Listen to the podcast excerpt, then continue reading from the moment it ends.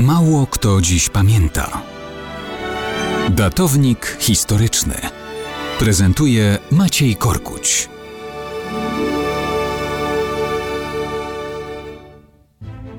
Mało kto dziś pamięta, że 17 maja 1490 roku urodził się Albrecht Hohenzollern, ostatni wielki mistrz zakonu krzyżackiego.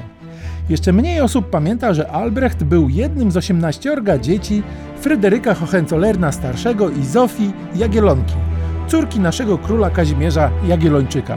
Był więc Albrecht po matce wnukiem Jagiellończyka, prawnukiem Jagiełły i siostrzeńcem polskich królów Jana Olbrachta, Aleksandra I i Zygmunta Starego.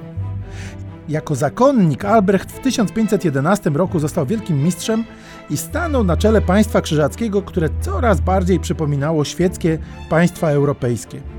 Mijały już dziesięciolecia od czasu, kiedy dziadek Albrechta, czyli Kazimierz Jagiellończyk, okroił i podporządkował Polsce owo zakonne państwo.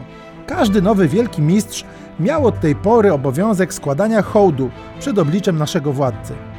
Oczywiście wielcy mistrzowie się buntowali, szukali wsparcia u papieża i u niemieckiego cesarza, ale jak było trzeba, to Polska posyłała wojsko i robiła z nimi porządek.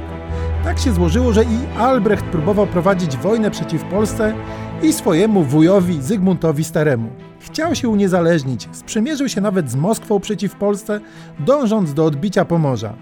Nic z takich kombinacji nie wyszło. W kwietniu 1525 Albrecht ukorzył się przed Polską. Król Zygmunt zgodził się na likwidację zakonu w Prusach i na sekularyzację państwa zakonnego. To zrywało z opieką papieża i cesarza. Albrecht grzecznie padł na kolana przed wujem, składając hołd lenny i potwierdzając zależność Prus książęcych od Polski. Jako świecki książę już do końca życia Albrecht pozostał lojalny wobec Polski i Zygmunta Starego.